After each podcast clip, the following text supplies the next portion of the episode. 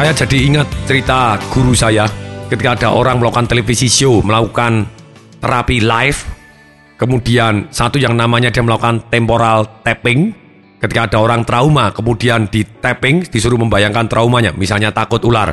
Begitu takut ular, di tapping di tempat di temporal, di otak bagian temporalnya, di kepalanya, di otaknya, di bagian kepala tengkoraknya, di tap tap tap tap tap tap tap tap tap tap tap tap tap tap tap tap tap pada waktu itu ada seorang laki-laki takut ular. Kemudian dikasih ular, ularnya kecil. Sebetulnya kalau mau terapi ular yang bagus kasih ular yang besar. Jadi kita bisa lihatnya efeknya kalau dia takut. Uh, takut luar biasa itu baru indah sekali perubahannya. Ketahuan sangat-sangat dramatis gitu ya. Nah kemudian ular ini pakai ular-ularan dikasih ular-ularan gimana ular? Eh, aku tidak suka. Eh, tidak ular. Ternyata bukan major phobia atau phobia yang biasa-biasa masih belum belum terlalu dramatis gitu ya. Nah kemudian oleh orang ini coba bayangkan ular, coba bayangkan ular, kasih ular, kemudian di kepalanya di tapping, tapping, di tapping, kepalanya istilahnya dipukul, plak plak plak, plak plak plak, plak plak plak, plak plak plak plak. Sebetulnya ini adalah salah satu bagian jurus kedua, yaitu merusak pola. Tapi orang ini tidak punya alasan untuk sembuh. Kemudian setelah di tapping sekian menit, sekian menit, gimana? Dengan ular gimana? Eh, masih takut? Masih takut? Ternyata setelah setelah sampai akhirnya yang tapping ini sampai frustasi, kemudian oleh pembawa acaranya, oke mari kita akan masuk kepada iklan, dan setelah iklan begitu ya, kembali lagi ke acara itu tadi, kemudian di tapping lagi, di tapping lagi, di tapping lagi, keplain terus kepalanya, plak plak plak, plak plak plak, plak plak plak, plak plak plak, dan tidak sembuh, dan sampai akhirnya yang ngomong itu bisa jadi terapisnya jadi fobia juga itu ya takut terapi di depan umum itu bisa jadi major fobia gitu ya nah kemudian oh mungkin dia adalah orang yang Nah ini mencari mencari alasan. Kenapa kok tidak sembuh? Dia mencari. Oh ini karena uh, ini orangnya dalam kondisi tidak bisa fokus di sini. Jadi dia tidak bisa membayangkan ularnya. Jadi karena di dalam kondisi umum dan di syuting live begini, pada di tapping dia grogi dan dia tidak bisa. Enggak, aku enggak grogi. Orangku juga tidak kepingin sembuh. Ye. Nah ketika tidak kepingin sembuh, dia memang tidak kepingin sembuh dan dia nantang. Apa kamu bisa? Ya sulit sekali akan menjadi bisa. Memang keinginan yang dalam itu akan mempermudah semuanya. Keinginan yang dalam itu adalah alasan yang sangat kuat. Saya ulangi sekali lagi biar jelas ada tiga cara yang sangat-sangat simpel dan bisa merubah kita dan kita tetap saya sarankan selain Anda belajar tiga cara ini, belajarlah cara yang lain sebanyak mungkin, tidak masalah. Karena dengan demikian kita badi stoknya banyak sehingga kita bisa membantu orang jauh lebih baik. Cara yang pertama orang tadi harus punya alasan sangat kuat untuk berubah. Yang kedua, kita harus merusak pola yang lama merusak pola. Ada banyak sekali jurus untuk merusak pola. Merusak pola itu adalah membuat link atau membuat arti yang berbeda, membuat link emosi yang berbeda, dia merasakan yang berbeda, hasilnya sangat-sangat berbeda. Merusak pola namanya, seperti CD audio di kepala kita.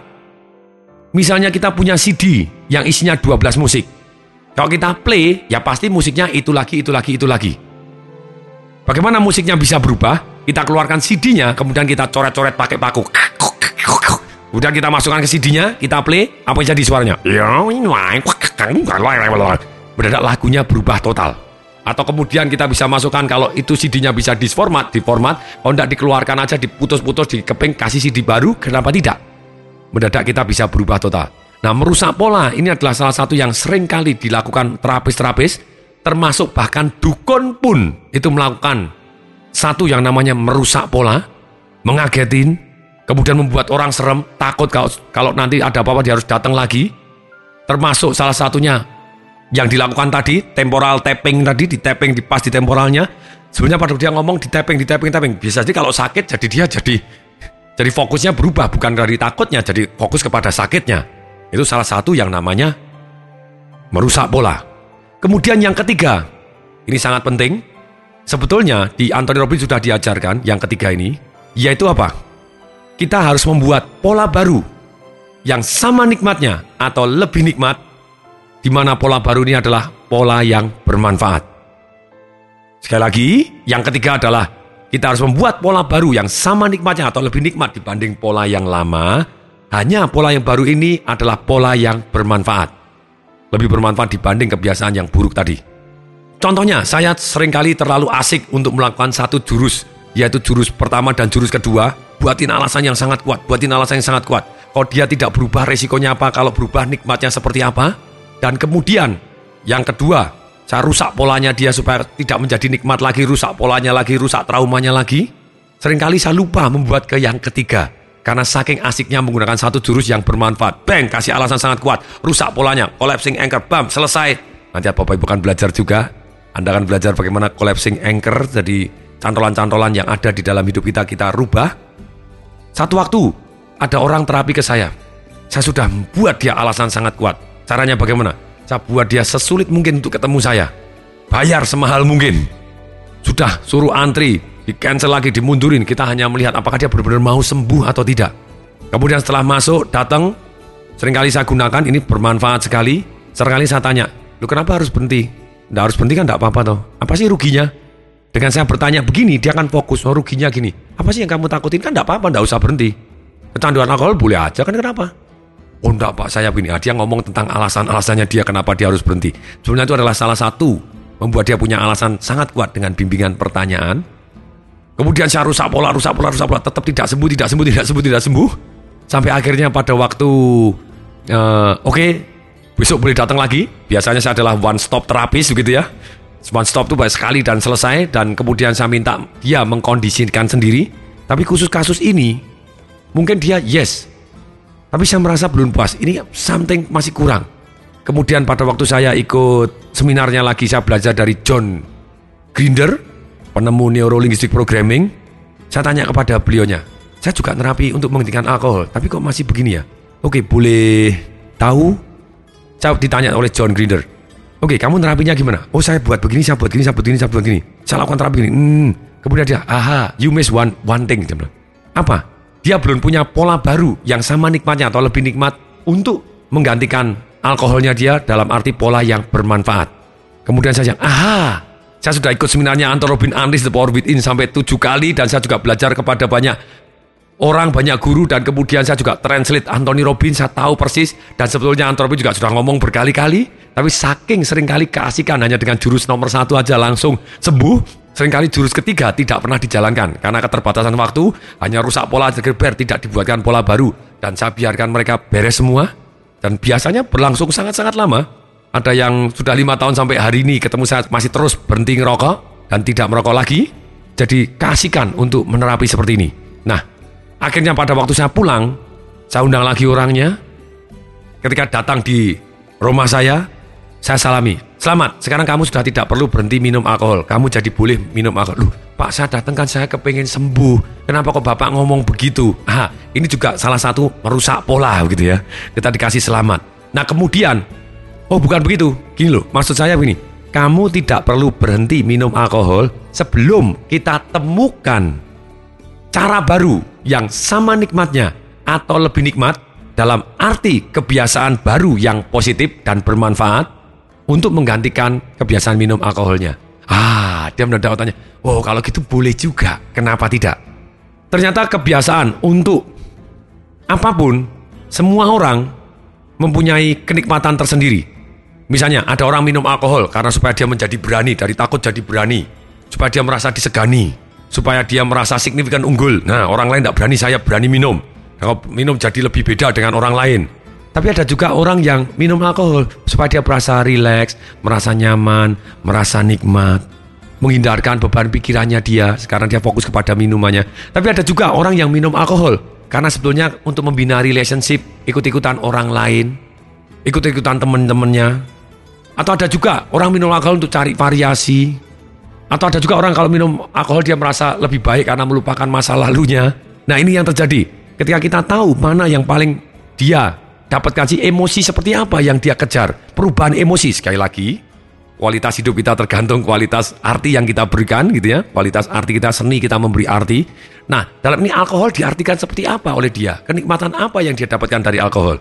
Ketika ditanya jawab, beberapa saat akhirnya ketahuan bahwa dari kenikmatan alkohol orang ini karena setiap orang lagi berbeda, ternyata adalah dia kepengen merasa rileks, kepengen merasa nyaman dan mendapatkan perasaan yang berbeda.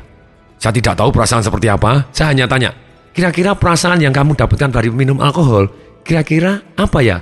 Hal yang positif yang kamu bisa mendapatkan, yang intensitasnya nikmatnya sama atau bahkan lebih nikmat, tapi bermanfaat untuk diri kita. Kemudian dia bilang, apa ya? Hmm, olahraga. Kemudian dia ngomong, tapi olahraga kadang juga capek, nggak enak. Ada sih waktu saya olahraga pertama kali perubahan perasaannya enak, tapi kadang juga nggak enak. Oke, selain itu, oke saya catat olahraga. Apalagi yang tanya? Hmm, mendadak dia ngomong, makan rujak. Aha, apa saya tanya? Makan rujak. Rujak apa? Mangga muda, terus kemudian kasih cabai pedes, kemudian juga minum jeruk yang kecut-kecut. Hmm, mendadak dia wajahnya bisa menunjukkan kenikmatan dan mulutnya. Hmm, hmm, seger pak, rasanya seger. Ini pak, ini pak, perusahaan perasaan ini pak. Ini lebih enak pak, bisa jadi lebih enak. Aha, oke, mulai sekarang kalau anda pengen merasa seperti itu, tolong digantikan dengan seperti ini, dengan pola baru yang positif. Ini yang menarik, beritanya menarik. Kemudian apa yang dilakukan? Oke, kalau begitu kemudian kita buatin alasan yang sangat kuat. Kenapa kamu pengen berhenti? Kemudian kembali lagi ke polanya berhenti. Kemudian ruginya apa? Sengsaranya apa? Terus kemudian nikmatnya apa kalau dia berhasil merubah dengan rujaknya yang nikmat dengan jeruknya yang kecut-kecut dengan cabai yang pedes tadi? Kalau bisa itu jadi lebih positif, nikmatnya apa cara keuangan, bagaimana secara hubungan dengan pasangan hidupnya, bagaimana dengan keluarganya, bagaimana dengan karir dan pekerjaannya, bagaimana? Ketika alasan kuat sangat-sangat timbul dan kemudian saya suruh tutup mata, saya melakukan satu yang diajarkan yaitu namanya diken proses. Maksudnya apa diken proses? Itu adalah kita bawa ke masa depan dan kita lihat kalau dia sengsara luar biasa seperti apa, kalau dia tidak berubah, penderitaan apa yang paling dalam dari hidupnya dia, sampai tidak mau lagi dan mau berubah kapan sekarang gitu ya kemudian suruh buka mata, oke, okay, kamu beruntung bahwa sudah memutuskan berubah sekarang, jadi masa depan yang lima tahun, 10 tahun yang tadi yang jelek-jelek belum terjadi semua. Nah sekarang kita akan masuk, tutup mata lagi dan kita bawa ke satu tahun ke depan, tiga tahun ke depan, lima tahun ke depan, 10 tahun ke depan, 20 tahun ke depan. Kalau dia melakukan kebiasaan yang baik dan positif tadi yang bermanfaat, kira-kira kenikmatannya apa secara keuangan, secara fisik seperti yang ditugas CD sebelumnya yang Anda tulis, secara relationship, secara kesehatannya dia, Kemudian kita ajarkan jurus-jurus merusak pola, sehingga dia bisa praktek sendiri dan mengkondisikan diri sendiri, sehingga selesai saat itu dia merasa sangat-sangat gembira.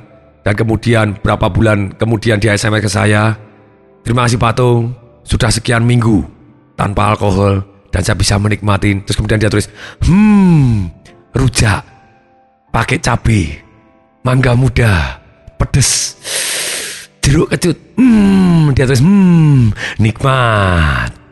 Sungguh-sungguh luar biasa. Kemudian berapa bulan kemudian SMS lagi Pak Tung sudah sekian bulan juga tanpa alkohol, nikmat.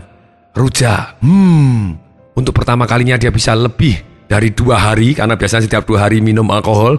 Sekarang bisa berbulan-bulan tanpa alkohol. Sungguh-sungguh sangat mengesankan dan saya merasa bahwa hidup saya bermanfaat karena bisa membantu orang menjadi lebih baik.